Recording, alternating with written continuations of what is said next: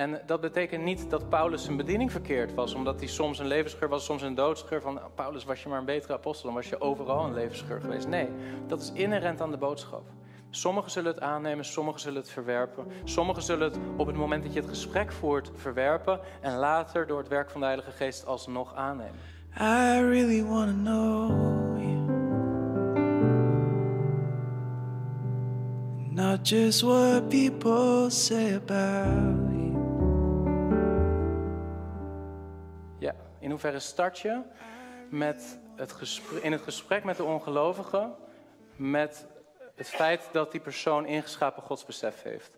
En dat is afhankelijk van de situatie. Want ik, ik, zet, ik zet eigenlijk nu voor jullie een theoretisch kader neer. Waarvan ik geloof dat als je dit in je hoofd uh, houdt, wanneer je met iemand spreekt, dat dat je veel effectiever maakt in je evangelisatie en in je apologetiek, dan wanneer je die neutrale brug gaat bouwen en daar probeert te zitten. Dus dat is eigenlijk de take-home message.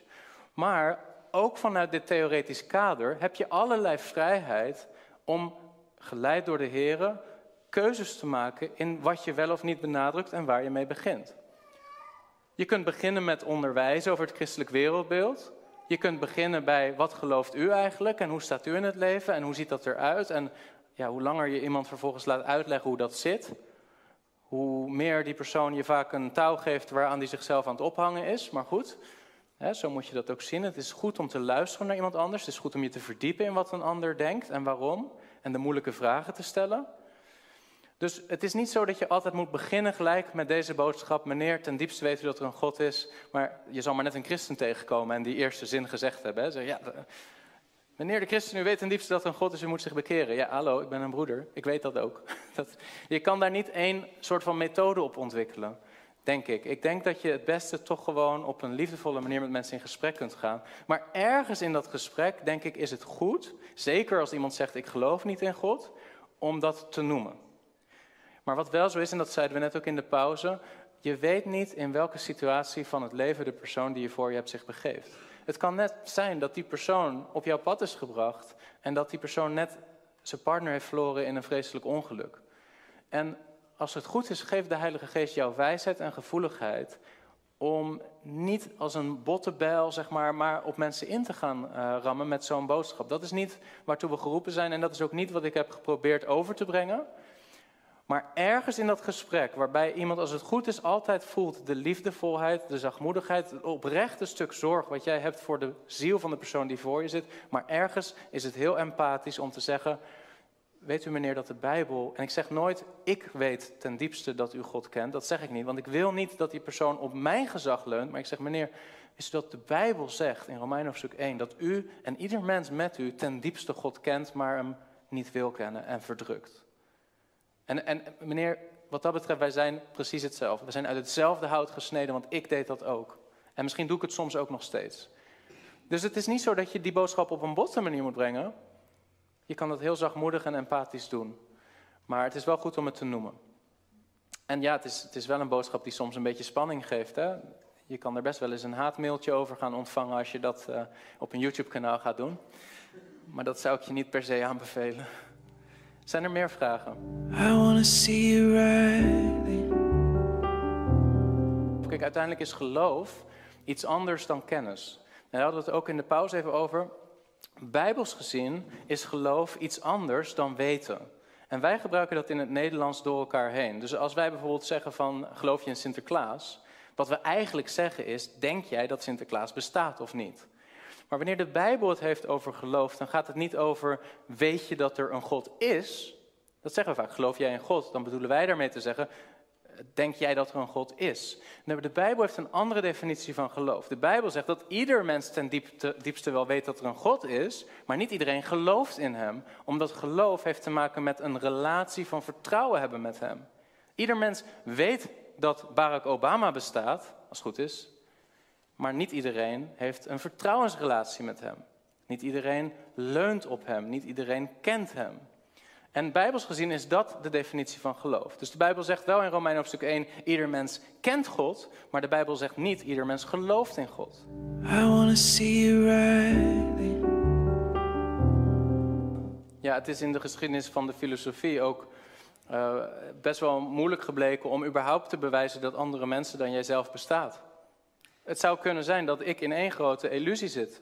Dat, jullie zijn er helemaal niet. Ik weet dat ik er ben, maar ik, misschien zit ik in de Matrix. Misschien zijn jullie gewoon bots of zo, non-playable characters. En ja, ik, ben, ik ben in het dagelijks leven psychiater, maar mensen die psychotisch zijn, die kunnen dit soort dingen gaan denken. van het is allemaal één grote simulatie, één grote illusie. Maar probeer het filosofisch maar eens te weerleggen. Waarom zou het niet zo zijn?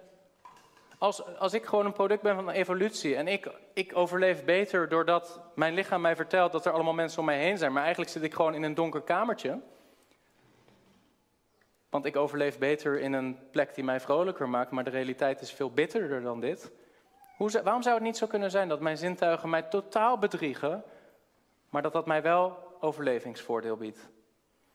Zie je, probeer over dit soort dingen na te denken en je ontdekt dat het christelijk wereldbeeld oplossingen biedt voor al deze problemen. De reden waarom onze zintuigelijke waarnemingen betrouwbaar zijn, is omdat God ons gemaakt heeft naar zijn beeld. En omdat God betrouwbaar is, gaat hij ons niet een illusie voorleggen. Dus het is een valide punt. Het is best wel moeilijk te bewijzen dat zintuigelijke waarnemingen leiden tot waarheid. Als je niet met God begint. So open up my eyes to see Er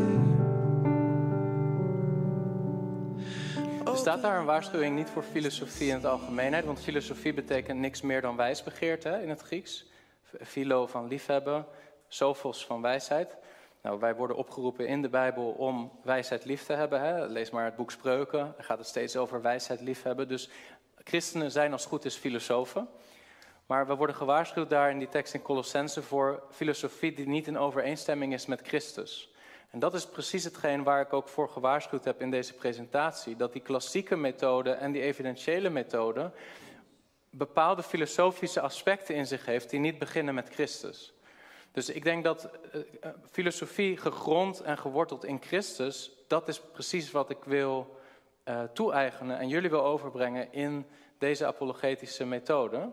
Maar filosofie in algemeenheid, ja, als je dit boek, uh, stel je hebt een interesse in filosofie, dan raad ik je aan om dit boek te lezen van uh, Greg Bahnsen, geschreven naar aanleiding van andere geschriften van Van Til. Cornelius van Til, die heeft allerlei werk geschreven. En ik zei al, het is best moeilijk te begrijpen, zeker als je niet zelf een filosoof bent. Want er worden bepaalde termen in gebruikt die je, als je een academische opleiding filosofie gaat doen, dan krijg je dat, anders niet. Dus dan moet je er doorheen ploeteren. Maar als je bereid bent en geïnteresseerd bent in filosofie om daar doorheen te ploeteren, dan is dit een heel interessant boek, omdat Greg Bahnsen laat zien hoe Cornelius van Til eigenlijk elke filosofie, elke niet-christelijke filosofie en elk denksysteem in de filosofie neemt en laat zien dat het niet antwoorden geeft die op een consistente manier verklaring geven voor onze realiteit. Dus de, de, of dat je nu hebt over Plato met zijn filosofie van idealisme. Plato die dacht, de realiteit is niet alleen maar materie, maar er moet ergens een ideeënwereld zijn. Er moet ergens een niet-materiële wereld zijn, want ik zie wel mensen, maar mensheid, de klasse waar mensen onderdeel van uitmaken, die is niet materieel, maar die is er wel. En als ik eentjes zie, dan zie ik allemaal particuliere instanties van de eend, maar er moet ook zoiets zijn als eendheid. Het concept eend. Maar waar bevindt het concept zich? Of het concept voor het getal 2? Zeg je, ja, ik, ik veeg nu op het bord, schrijf ik het getal 2. Zeg je, is dat dan 2? Als ik het uitwis, zeg ik, heb ik nu het concept van 2 uit het bestaan gehaald? Nee, want we weten allemaal nog het concept 2. Dus Plato zag dat en zei, er moet een soort ideeënwereld zijn die niet materieel is de, de wereld van de ideeën of de vormen. En onderdeel van die wereld is ook de wetmatigheid die wij zien. De wetten van de logica, et cetera, et cetera. Maar Plato kon in zijn filosofie die ideeënwereld niet goed binden aan de materiële wereld die wij zien. En dat is waar Aristoteles, zijn leerling, vervolgens weer een andere kijk op kreeg. En zo zie je dat al die wereldse filosofieën pogingen proberen te doen om een metafysica of een ethiek systeem of een epistemologisch systeem te formuleren waarin onze realiteit goed samenhang vindt. En wat dit boek aantoont is dat het eigenlijk nooit gelukt is. Dat dat niemand ooit gelukt is en dat het christelijk wereldbeeld de enige grond is waar je dat wel vindt. Dus als je iemand kent die geïnteresseerd is in filosofie, zou ik dit boek geven. Eh, kom het vooral eventjes eh, bekijken van eh, hoe het heet en zo. Maar dan is dit wel een interessant boek om veel filosofieën wat te weerleggen. Open up my eyes to see Jesus. Ja, dus, dus dat, is, dat is heel eerlijk als iemand dat uiteindelijk zegt eigenlijk. Hè? En ook te waarderen in iemand dat hij dat zegt. Niet meer eromheen draaien en gewoon zeggen... ik heb alles gehoord wat je zei, maar ik wil dit niet. Ik wil die God niet, ik wil die Christus niet, ik wil mijn eigen autonomie, ik wil mijn zelfbeschikking. Dat is heel eerlijk. Dan kun je zeggen dat is heel eerlijk dat je dat zegt en ehm, dat waardeer ik. En tegelijkertijd is dat precies de reden waarom de Bijbel zegt dat je moet bekeren en je uiteindelijk zult staan voor Christus en veroordeeld zult worden vanwege het feit dat je Hem tegen beter weten in hebt onderdrukt in je leven. En dat is natuurlijk de boodschap die wel veroordeling brengt. Maar dat is precies wat Paulus zegt. Paulus zegt, voor sommigen is onze prediking een levensgeur tot leven, maar sommigen ook een doodsgeur. En dat betekent niet dat Paulus zijn bediening verkeerd was, omdat hij soms een levensgeur was, soms een doodsgeur. Van Paulus, was je maar een betere apostel, dan was je overal een levensgeur geweest. Nee, dat is inherent aan de boodschap. Sommigen zullen het aannemen, sommigen zullen het verwerpen. Sommigen zullen het op het moment dat je het gesprek voert verwerpen en later door het werk van de Heilige Geest alsnog aannemen. Dus ik zou zo iemand achterlaten met de boodschap: oké, dat is heel eerlijk en precies wat de Bijbel ook zegt over je hart. Je wil hem niet. En desondanks is Jezus aan het kruis gestorven voor, om het probleem van de zonde op te lossen. Bekeer je en geloof in Hem en je zult zalig worden. En dat is het. Dat is de boodschap dan. Hey Chris, ik heb nog een uh, allerlaatste vraag. Misschien kan je daar nog kort antwoord op geven. Bij deze benadering hè, wordt soms ook wel verweten van dat je natuurlijk een beetje vanuit de hoogte kan neerkomen op mensen. Omdat je zegt alleen mijn wereldbeeld is juist en die van jou is uh, niet juist. Wat zou je dan de, de christelijke apologeet meegeven van hoe zorg je dan toch dat je een goede houding houdt en dat je, um, nou ja, eh, een nederige benadering hebt richting die persoon. Ja, dus dat hebben we het ook een beetje over gehad al. Okay. Maar um, er was een, een, christelijke predikant die op een gegeven moment een dronkaart voorbij zag lopen. Dat hebben jullie vast wel vaker gehoord, dit verhaal. Ik weet niet wie het was, uit mijn hoofd. McChaney, ik weet het niet. Maar er was een predikant die zag een dronkaart voorbij lopen. En misschien andere mensen die keken naar hem en keken op hem neer en dachten wat een zondaar is die man.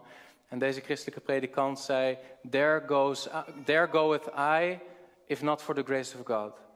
Met andere woorden, daar ga ik, waar het niet de genade van God die mij gered heeft. En zo is het net zo goed met apologetiek. De persoon die je voor je hebt, wat voor onsamenhangend wereldbeeld die persoon ook heeft, Jij bent geen haar beter dan die persoon. De enige reden dat jij bent gekomen tot de overtuiging van het christelijk geloof en op dit fundament bent komen te staan, is omdat God je heeft genomen en je voet op de rots heeft gezet.